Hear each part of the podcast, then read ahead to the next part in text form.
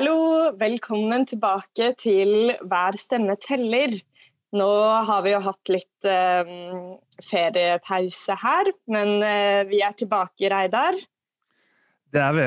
Nå, nå, er det i gang. Nå skjer det. Nå er det ikke en feriedag eh, framover. Nå er det bare å jobbe på fram til, fram til 13.9. Og det, jeg må si det at det, var, eh, det er godt å ha litt ferie.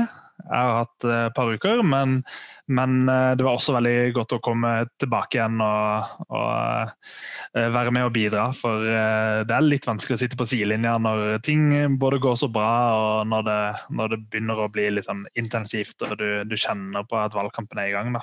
Ja. ja, det stemmer. Nå er det full rulle frem til valgdagen. Og dagens episode, det er en eh, det vi har valgt å kalle en tannhelsespesial. Hvor vi har to gjester med oss eh, i podkasten.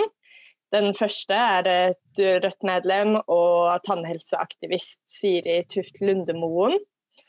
Og vi har med oss eh, førstekandidat i Rogaland, Mimir Kristiansson, som begge skal snakke om tannhelse og Rødts forslag om tannhelsereform, og hvorfor det er så viktig å få tannhelse inn i velferdssystemet vårt.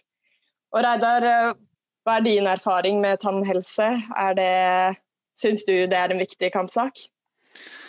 Det er en kjempeviktig kampsak. og uh, som, eh, som, det har stått litt om i avisene og sånn i det siste, og, og overskriftene som har blitt brukt, så er jo uh, tannhelse det største hullet vi har i velferdsstaten. nå. At uh, Det er litt sånn amerikansk helsetilstander når det kommer til tannhelse. at Der, der må man betale regninga sjøl, og det er ikke noe, noe særlig fellesskap involvert. Så så jeg er veldig glad for at Rødt har eh, valgt seg ut det som en spissak i valgkampen. og Rødt sin tradisjon er jo at vi holder det vi lover, så etter valgkampen også så kommer vi til å legge inn et stort press eh, for at, eh, for at tannhelsereform skal gjennomføres. Og jeg har jo kanskje ikke så stor tro på, tro på de, de største partiene, for, for, å si det sånn. men men uh, det er en sak som er veldig populær. Folk er enige i det helt logiske at tennene er en del av kroppen. Uh, og når vi klarer å løfte den saken også etter, etter valget, så blir det vanskeligere for uh, Arbeiderpartiet og Senterpartiet å ikke bli med på, på forslaget vårt. Så, så, det blir spennende. Så, jeg tror veldig mange har kjent på eh, frykten for at eh, tennene ikke er som, som, de skal, og har hatt eh, dårlig råd i perioder hvor man ikke, ikke har turt å gå til tannlegen. Og jeg er absolutt en av, en av de. Nå har det gått bra med meg, og jeg var faktisk hos tannlegen denne, denne uka. og Det sto ikke så halvgærent til. Eh, men, eh, men, eh, jeg gikk flere år uten, uten å gå til tannlegen. i i to omganger fordi jeg var, var, redd for hva det ville koste. Den første gangen, så når jeg kom til tannlegen etter mange år, så fant jeg ut at jeg måtte trekke alle visdomstennene mine, og jeg hadde fire hull i tillegg. Eh, da var jeg student. Eh, og var ikke lysten på liksom, hjem og tigge til foreldre om at de skulle betale for noen regninger. og eh, ja, Det er rett og slett veldig, veldig ubehagelig situasjon. Og jeg gjennomførte det jeg måtte da, men det gjorde igjen at neste gang jeg skulle gå til tannlegen, så, så ble det en ny runde med utsettelse fordi jeg var redd for at det samme skulle skje igjen. Så da mm. gikk det, gikk det fem år til neste gang jeg gikk til tannlegen. Og takket være flaks eh, så, så sto det ikke så ille til da. Men for alle de unge hvor det står ille til etter fem år, så er det noe som er vanskelig å fikse, noe som man gjerne ikke fikser i det hele tatt, fordi man ikke har eh, råd eller har tannskam, eh, tannhelseskam, som, som jeg hadde. Jeg var, jeg var, flau over å gå til tannlegen og si, si, at det var fem år siden sist jeg hadde vært der, hvis jeg hadde masse, masse hull. Eh, så jeg tror mange kjenner på, på det. Og det er rett og slett et problem som er skapt fordi vi ikke har en, en offentlig tannhelse. Så det er eh, provoserende, det er dårlig samfunnsøkonomi, så her burde Høyre melde seg på banen. For alle de som går rundt eh, med ødelagte tenner, eh, som, som, blir utrolig dyre å fikse i framtida, det er en svært dårlig investering av, av velferdsstaten. Og det er jo et enormt klasseproblem, som jeg er sikker på at vi får høre i de, de intervjuene som, som, kommer nå. Men det, det, er mye vanskeligere å få seg jobb hvis ikke tennene dine hvis det ikke står bra til med tennene dine. Eh, så det, det, er sånn utrolig stort klassespørsmål eh, på alle mulige måter, eh, det med tannhelse. Ja, jeg tror ikke din historie er unik, akkurat. Det er nok mange som kjenner seg igjen der. Nå skal vi høre et intervju med Siri, som er en av de hvor det virkelig gikk dårlig med. Og Siri hun er jo også en av de som har skjønt at dette er jo et, et strukturelt og politisk problem, og har vært med og starta en skikkelig grasrotkampanje, bl.a. på sosiale medier, hvor flere og flere står frem om sine historier og klarer å legge fra seg den skammen og heller si at men dette er et fellesskapsproblem. Da har jeg fått med meg Siri Tuft Lundemoen. Hei, Siri. Hei, hei. Du er jo Rødt-medlem, men du er også, eh, hva skal vi kalle det, en eh, aktivist for eh, tannhelsereformen. Og jeg vet at du har vært veldig aktiv i den debatten, både i media, men også i forskjellige grasrotinitiativer og grupper på sosiale medier. Og jeg lurer på, Siri, kan ikke du fortelle litt om hva er det som har gjort at du tenker at tannhelsereform, gratis tannhelse, er en viktig kampsak i Norge i dag? Eh, det som gjør at jeg eh, har eh, havnet der jeg har havnet, det er fordi at jeg er et offer for tannhelse sjøl. Jeg endte opp som alenemor og hadde rett og slett ikke råd til å gå til tannlegen sjøl. Og utviklet etter hvert dårlig tannhelse i tillegg til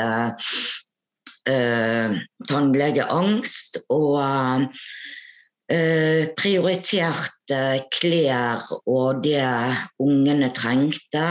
Og ja, lørdagsgodt og litt sånn goder fremfor å prioritere penger til tannlege. Eh, men eh, dette endte med Det gikk virkelig ille. For jeg hadde jo som sagt ikke råd til å gå til tannlege, og jeg gikk eh, i åtte år til og fra med tannverk. Eh, det endte med mm, sykehusinnleggelse på ti dager med blodforgiftning, for betennelsen gikk i blodomløpet. Så det kunne gått virkelig, virkelig, virkelig ille. Og mm, jeg var ikke egentlig klar over hvor ille det sto til med tannhelse i Norge. Mm. Og um, jeg hadde vel uh, akkurat uh, flyttet tilbake fra Østlandet, fra Geilo til Bergen, og alltid vært uh, politisk interessert, men ikke aktiv.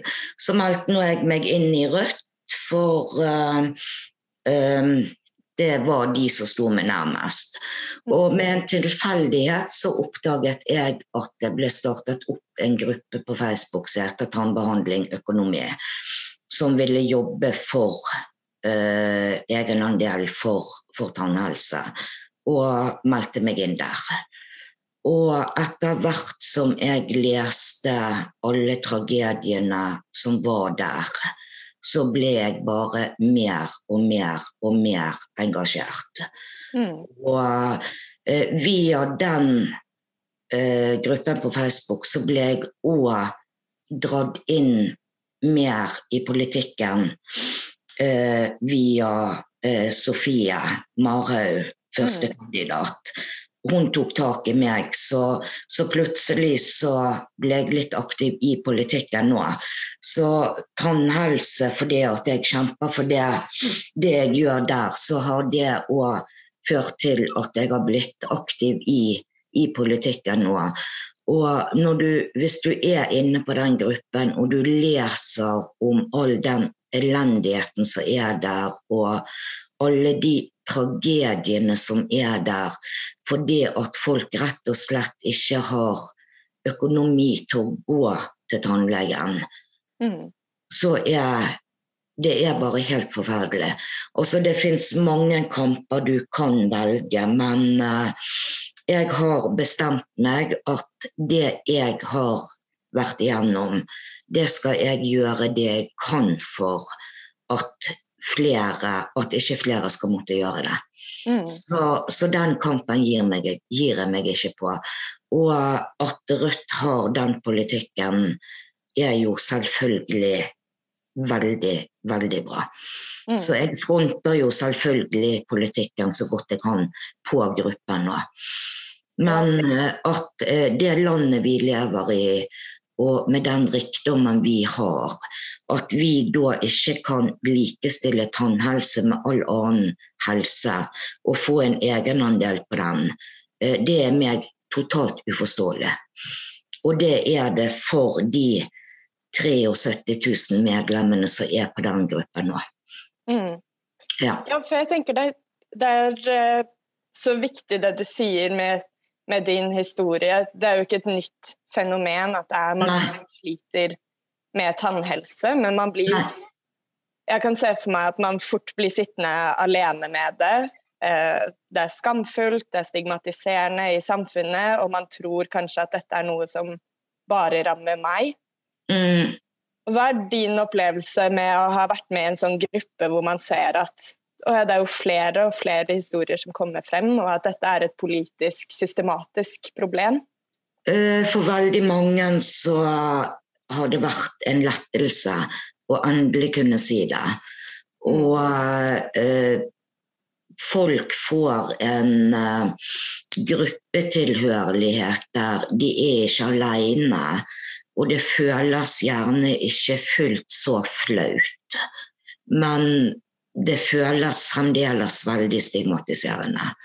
Og det vet jo jeg òg av egen erfaring at uh, klasseskillet, når det vises midt i fjeset med smilet, så er det veldig vanskelig. Og for veldig mange så fører det til isolasjon, som igjen kan føre til store psykiske problemer som depresjon, angst bl.a. Så for veldig mange så når korona kom, og eh, bruk av munnbind, så var det en gledens dag for de med dårlig tannhelse. For da kunne de gå ut blant folk igjen. De kunne smile og de kunne snakke, for ingen så tennene. Mm. Så det er jo noe med det at ingenting er så galt at det ikke er godt for noe. Men uh, den kampen det er for tannhelse og de tragediene folk opplever. Og det at det kan gå utover hele familier, det er forferdelig. Altså Du kan si en vanlig familie på, på fire eller fem, uh, der barna de har to-tre barn. Uh, de tett, født tett etter hverandre. Alle tre trenger tannregulering. Eh, som regel så har de gjerne huslån, lån opp etter pipen. Og eh, barna må ha tannregulering. Mm. De har ikke råd til det. Og det igjen kan gi veldig store problemer og smerter med skjeve som ikke blir plassert sånn bittet blir ikke plassert sånn som det skal være. Det gir muskelsmerter som igjen sitter seg i nakken og går ut i hodet. Og det er veldig ondt for foreldre som ikke har råd til å gi barna sine tannregulering. Mm. Og veldig mange må ta lån for, å, for at barna skal få den tannreguleringen. Eh, mange får ikke lån. Og et annet problem, eh, det er noe som er spesielt utpreget for eh, aleneforeldre. Som ikke har råd til tannregulering.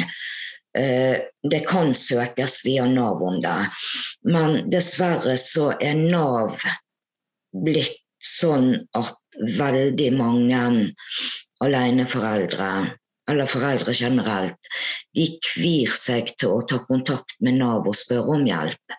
For det at det viser seg ikke uvanlig hvis folk spør om sosial stønad av en eller annen art, at da kobler Nav inn barnevernet.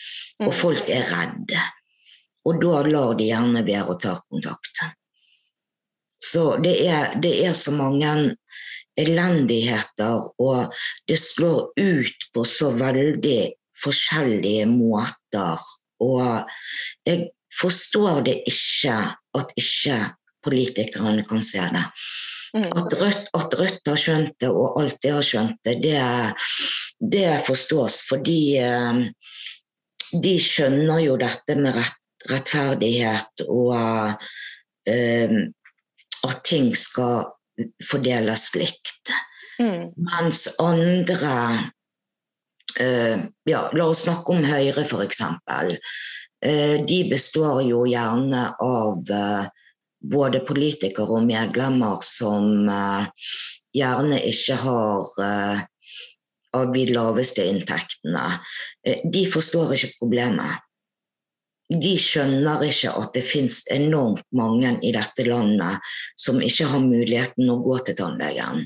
Mm. Og så en annen ting som er Det er jo en gammel myte som er veldig vanskelig å få en stopp på. Det er det at hvis du pusser tennene to ganger for dagen, så trenger ikke du å gå til tannlegen. Men det er tull. Eh, de eh, tannkjøttsykdommene som, eh, som, vi har, som er veldig utbredt. Du kan pusse tennene så mye du bare vil, men det hjelper ikke.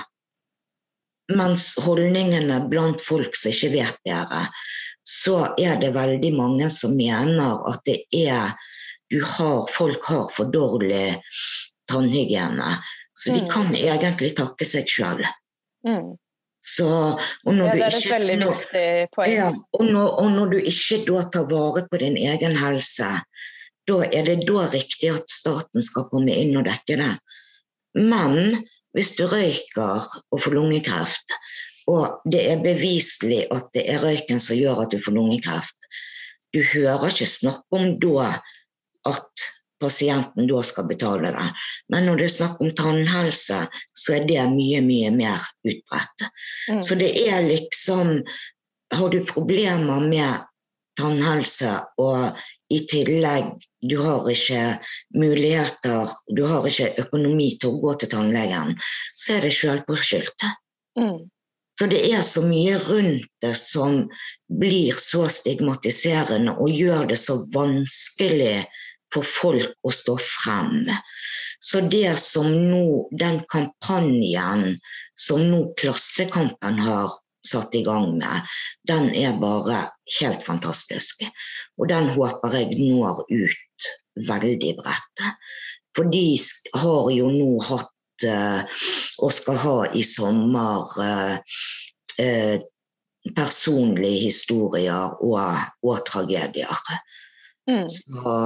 og så har jo du Du har jo en del uh, støtteordninger og en del funksjonsmuligheter, men de er for få. Og du har jo noe som heter TO, som er for de med tannodontofobi og forskjellige andre traumer. Men der kan ventetiden være alt fra et par måneder og opp til år. Og sånn som de som bor og lever i Troms. der har ikke de det lovpålagte tilbudet om to engang. Og nå har ventetiden der den nærmer seg tre år. Mm. Og de har fremdeles ikke ansatte der. Så noe må gjøres. Og det må gjøres veldig, veldig mye før vi kommer dit hen at det blir gratis tannhelse. Mm. For det kan ikke fortsette sånn som dette. Og en annen ting det er, Argumentet er at det er så veldig dyrt å innføre det. Men det har aldri vært regnet på hva det koster samfunnet med alle disse sykdommene som blir, kan komme direkte av dårlig tannhelse. Mm. Som går utløser andre sykdommer, som bl.a. hjerte- og karsykdommer. Hva koster det samfunnet? Eh, Jeg er kun ett eksempel av enormt mange som hadde ti dager, ti døgn på sykehus. Mm. Det, det betalte jo jeg selvfølgelig ingenting på for, for da er det plutselig gratis. Mm. Og, men det hadde aldri vært regnet på. Hvorfor har det aldri vært regnet på? Så hvis de tingene blir regnet opp, og du Mm. får et beløp på det, og stiller, trekker det fra på det beløpet de mener det vil koste Jeg vet ikke om du kommer ut eh, hvordan du kommer ut, jeg. Om du kommer ut på pluss eller minus. Mm. Og uansett så kan ikke jeg se det på noe som helst annen måte enn at i lengden så lønner det seg for alle, absolutt alle, at det blir innført en egenandel på det. For da går folk til tannlegen. Mm. Det som er anbefalt én gang i året. Nå må jeg korrigere meg sjøl litt, for eh, jeg sa at absolutt alle kom til å tjene på det. Men eh, de privatpraktiserende tannlegene de vil vel muligens tape litt på det. Og eh, de eh, vil jo òg si at dette med tenner og munn og munnhule, det er så komplisert å få til ordninger på det eh, som det med å likestille det med all annen helse. Men legevitenskapen, er ikke den komplisert? Vi har jo klart å få egenandel der. Mm.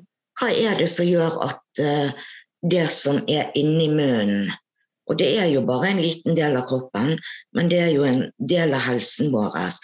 Hvorfor er det så vanskelig? Altså, vi har privat, private leger òg. På lik linje med at vi har offentlige tannleger og vi har private tannleger. Så jeg ser ikke helt problemet der heller, jeg.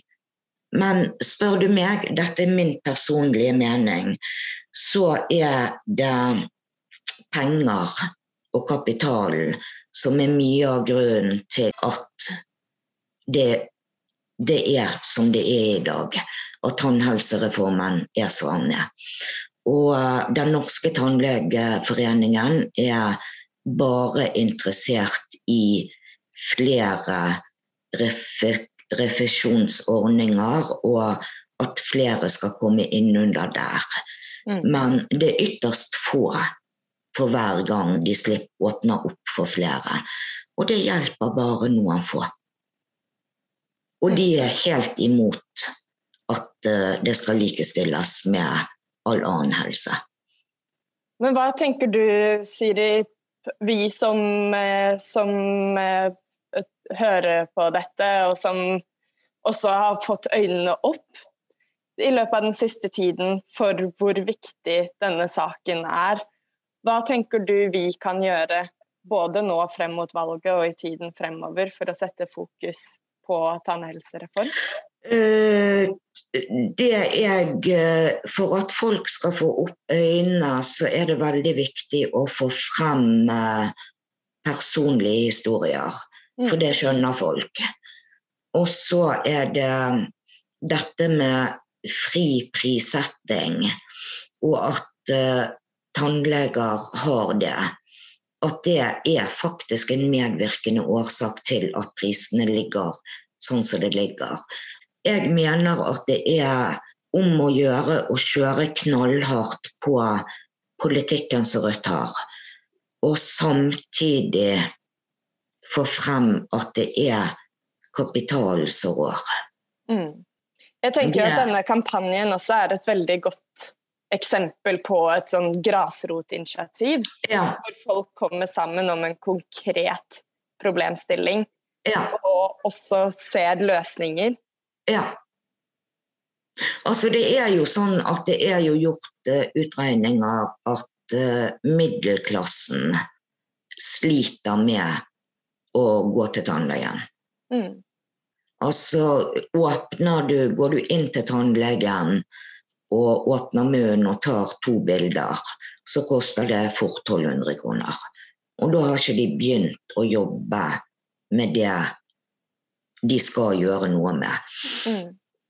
Og det hører jo ikke hjemme noen steder. Og det tar kanskje ti minutter. Mm. Så um, det må gjøre noe Prisene må det gjøres noe med i første omgang.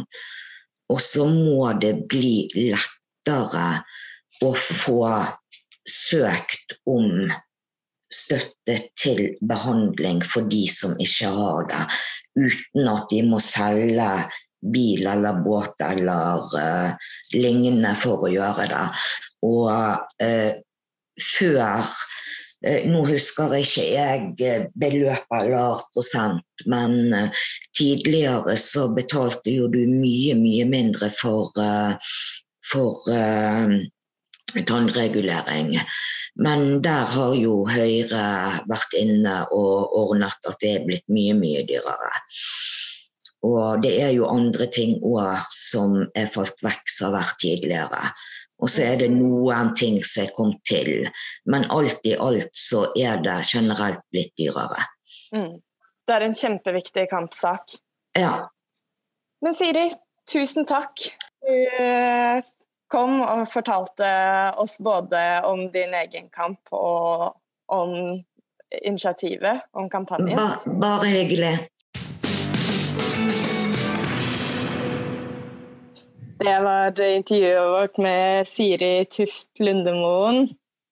Og Siri har jo blitt et veldig aktivt eh, Rødt-medlem også, som hun forteller om selv. Det er kjempegøy å se. og Jeg, jeg kjenner ikke Siri personlig, jeg tror ikke jeg har møtt henne. Men uh, vi er venner på Facebook, og der ser jeg at hun gjør en formidabel jobb også for Rødt uh, for tida. Så jeg er ute på masse postkasseutdelinger og står på stand og, og jobber virkelig på. Så Siri gjør en kjempejobb for eh, kampen for gratis tannhelse og for å få Rødt over sperregrensa. og Det er jo en, en god kombinasjon som, som, også henger sammen, som vi, som vi, jo forstår. Så eh, det er, eh, det er veldig gøy å se. Så oppfordrer alle andre også til å gjøre som, som Siri, og både jobbe for gratis tannhelse og bli med i Facebook-gruppa hun har, hun har laga, og, og, til å bidra i, i Rødt sin valgkamp. Så skal vi få fart på, på sakene. Mm.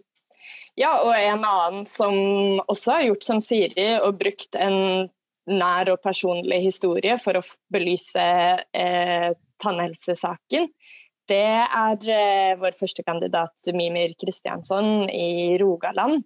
Som ikke bruker sin egen historie, men historien om eh, moren sin. Og hvordan hun, eh, gjennom å bli kreftsyk, har havna i tannhelseulaget. Eh, og vi har fått med oss Mimir her i podkasten. Vi snakker med han nå om både tannhelsespørsmålet, men også hva vi kan forvente oss etter valget. Og om det kommer til å bli noe fart på en tannhelsereform. Her kommer Mimir.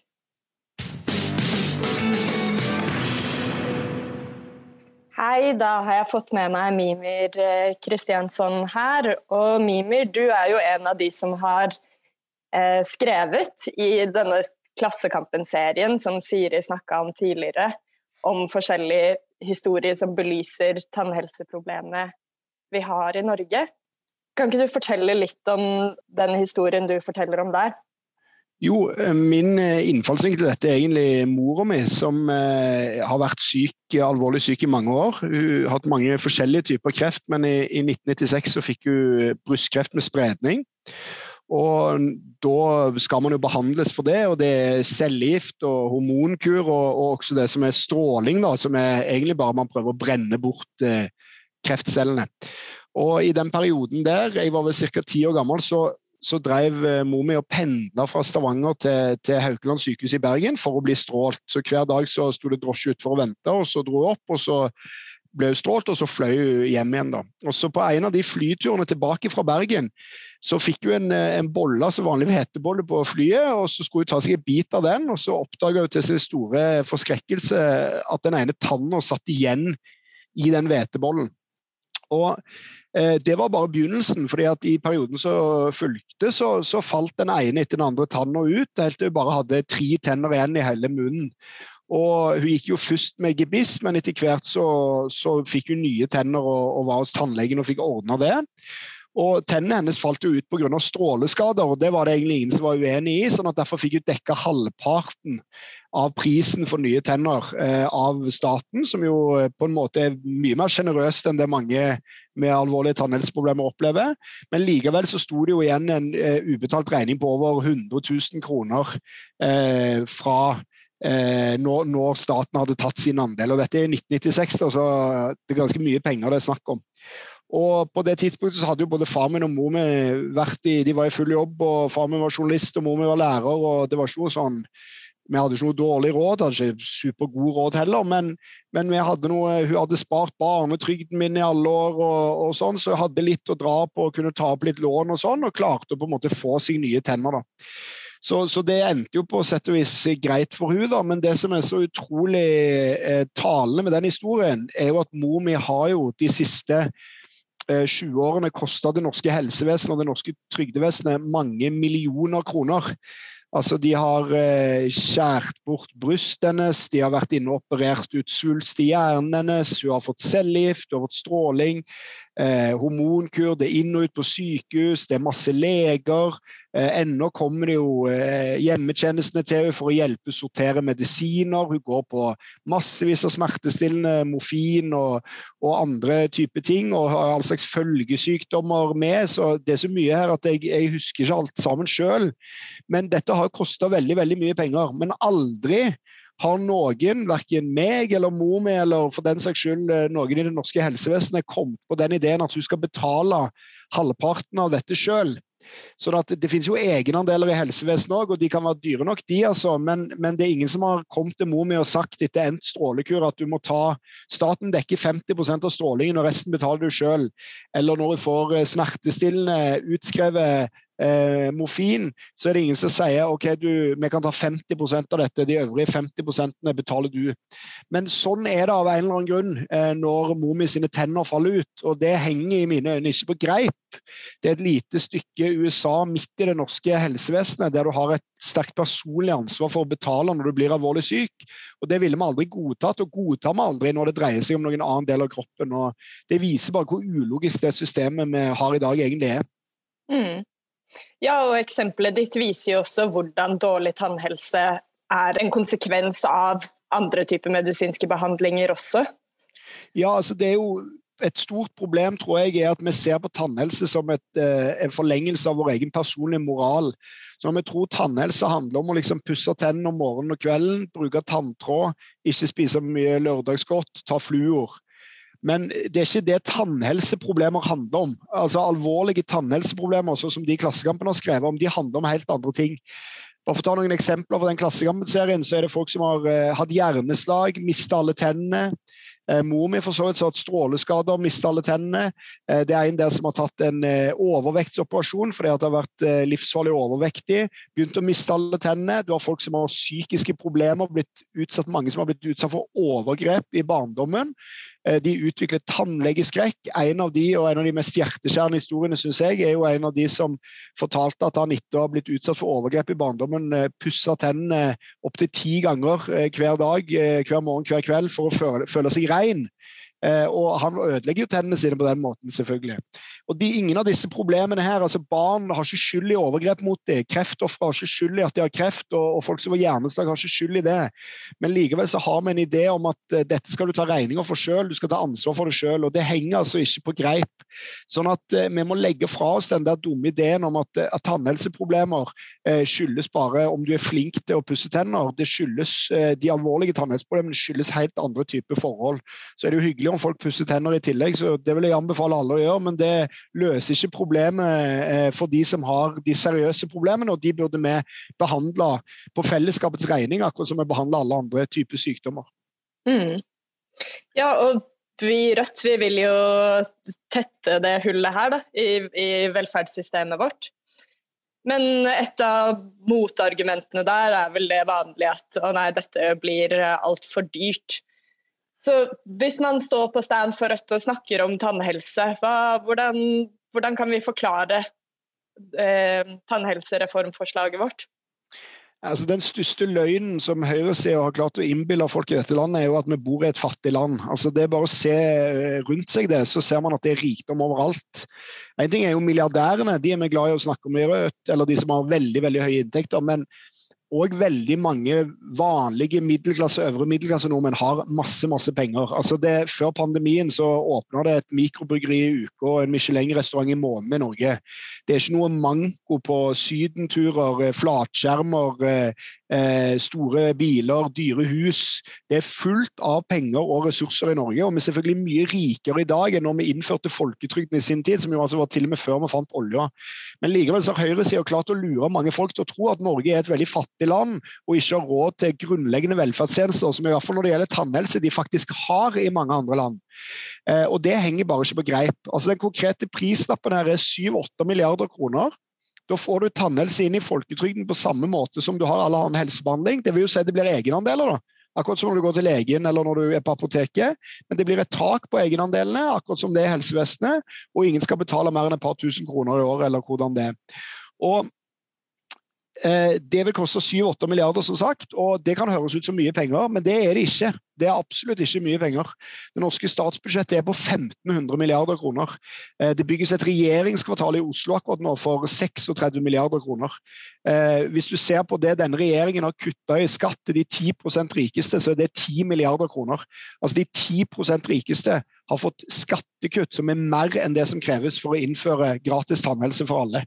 Staten bruker 12 milliarder i året på eksterne innleide konsulenter Sånn at det finnes penger enormt mange steder, eh, både i privat rikdom, men òg egentlig innenfor det offentlige, innenfor staten, som kunne vært brukt til å gi folk skikkelige helsetjenester, men som i stedet blir sløst bort på ja, eh, høye lønninger og, og, luksusforbruk. Og det bør ikke vi som samfunn være bekjent av. Mm.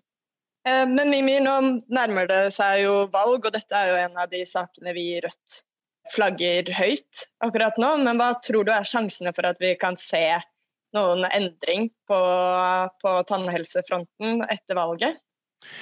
Jeg er ganske sikker på at det vil skje noe. fordi at Både Arbeiderpartiet, Senterpartiet, og SV, eh, MDG og Rødt er enige om at noe skal skje. Men det jeg er redd for er jo at Arbeiderpartiet og Senterpartiet de vil jo ikke forplikte seg til det som egentlig er et veldig enkelt løfte, nemlig å fikse dette problemet i løpet av de neste fire årene. I stedet så vil de begynne gradvis i sneglefart og begynne med å utvide sånn at gratis tannhelse opp til 20 år istedenfor 18 eller for visse grupper med visse diagnoser.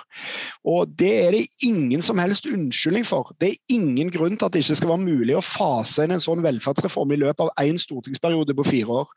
Og Hvis den rødgrønne regjeringen, eller en ny rød-grønn regjering da, ikke er i stand til å gjøre det, da er det to ting du risikerer.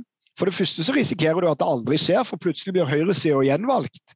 Og så vil ikke de fortsette på det arbeidet som eh, Arbeiderpartiet og Senterpartiet har begynt på i sneglefart.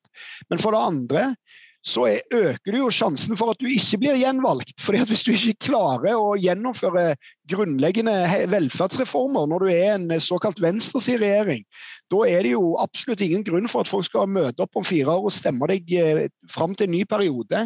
Sånn at det er avgjørende at vi får et skikkelig trøkk på den saken her. Og der er det jo veldig heldig, synes jeg, at Fagforbundet og, og andre Eh, andre LO-forbund er med og presse, men, men, det er jo ganske viktig i den sammenhengen synes jeg, at vi får eh, et Rødt over sperregrensen som er i stand til å være et slagkraftig opposisjonsparti til venstre for et nytt eh, regjeringsprosjekt. Fordi at Hvis ikke vi står der og passer på, så kommer de ikke til å få noe kjeft fra høyresida for at de ikke har gjennomført eh, tannhelsereform.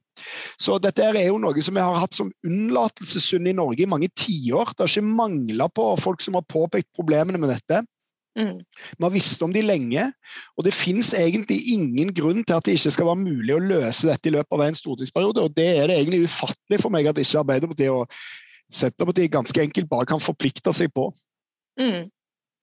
Ja, og det virker jo som at nå begynner den proppen å løsne litt også. At vi får til en sånn, som Siri snakka om i stad, en, en grasrotmobilisering hvor folk skjønner at dette ikke handler om et personlig problem knytta til skam og isolasjon, men at det er et strukturelt og politisk problem som det går an å endre på. Ja, absolutt. Eh, og, det er jo dette med ansvar og skam er jo gjennomgående i hele norske helse- og trygdevesenet, men det er et veldig godt eksempel her med tannhelse. Da.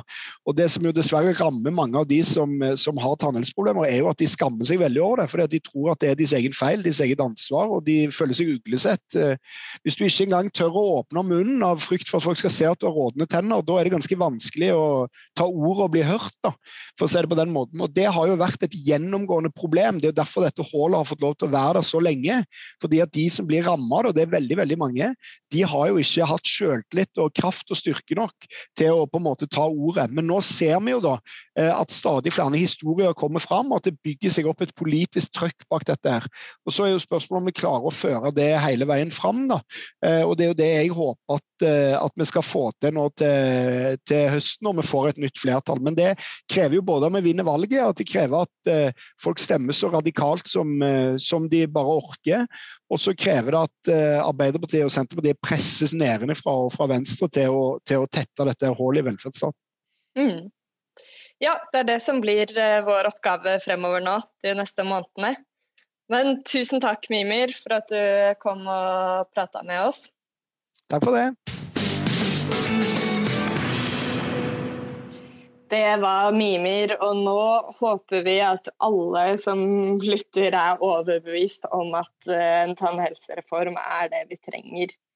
Men Reidar, vi må jo også få en liten oppsummering om hvordan det står til med Rødt på målingene. Det er jo, nå har det gått enda litt tid, vi er godt ute i juli. Og det har kommet noen flere målinger i det siste, har det ikke det?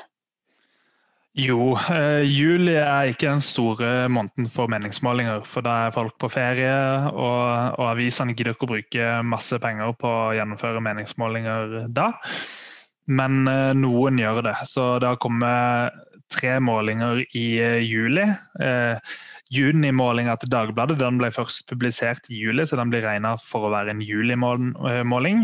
Eh, og I tillegg så har, eh, har Klassekampen og TV 2 hatt, eh, hatt meningsmålinger. Og når det bare er tre målinger som har kommet, så, så regnes ikke snittet for å være såpass sikkert, eller at, at, det er såpass gode tall eh, å basere seg på. Men, men det sier jo like noe, likevel noe om situasjonen og om det står bra eller dårlig til. Og, eh, de tre målingene de gir oss altså et snitt på 5,6 eh, og det er rett og slett ellevilt. Eh, det er snittet som eh, det høyeste Rødt noen gang er målt.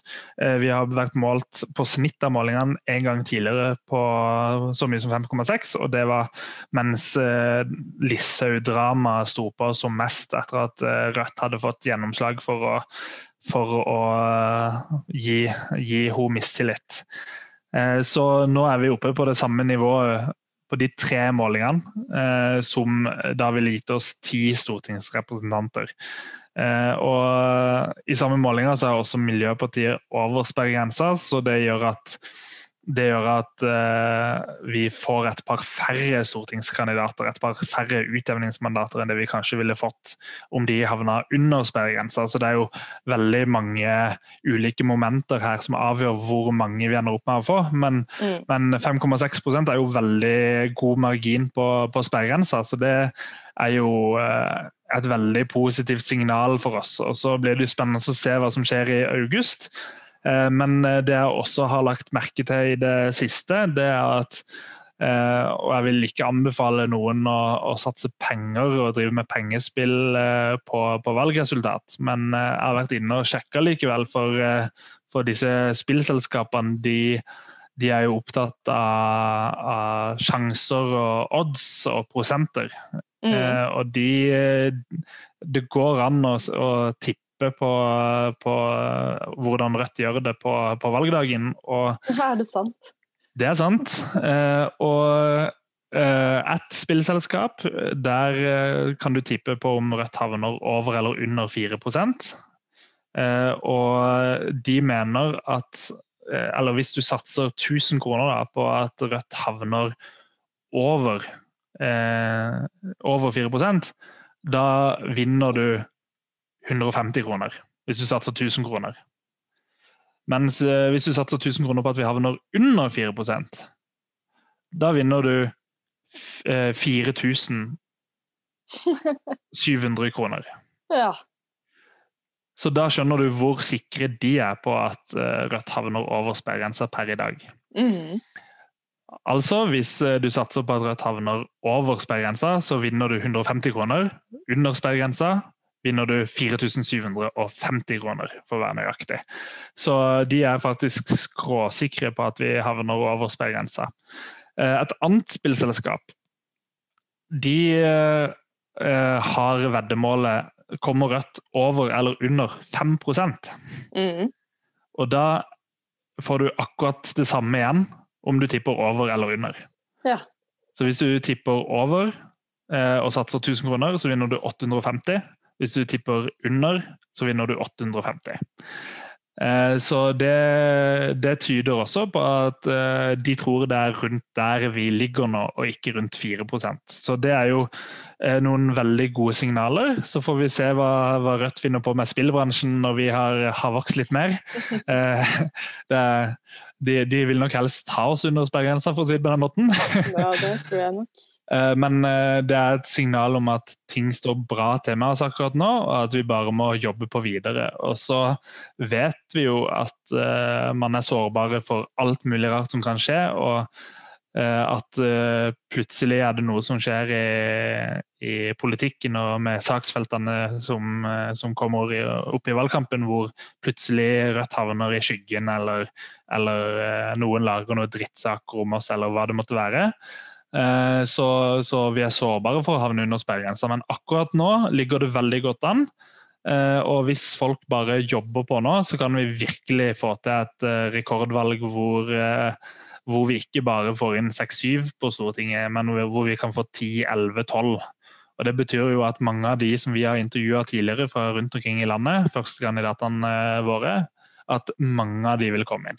Mm. Så og jeg har lest litt også siden sist. Eh, vi kan heller ta det i neste episode, men jeg har lest litt eh, om hvordan disse utjevningsmandatene blir fordelt. Og jeg kan si såpass som at eh, det jeg har sagt hele tida, om at jo bedre man gjør det i et fylke, eller i et stortingsvalgdistrikt, jo større sjanse er det for at du tar utjevningsmandatet også. Så det er mange tilfeldige faktorer, men det viktigste er at du gjør det bra.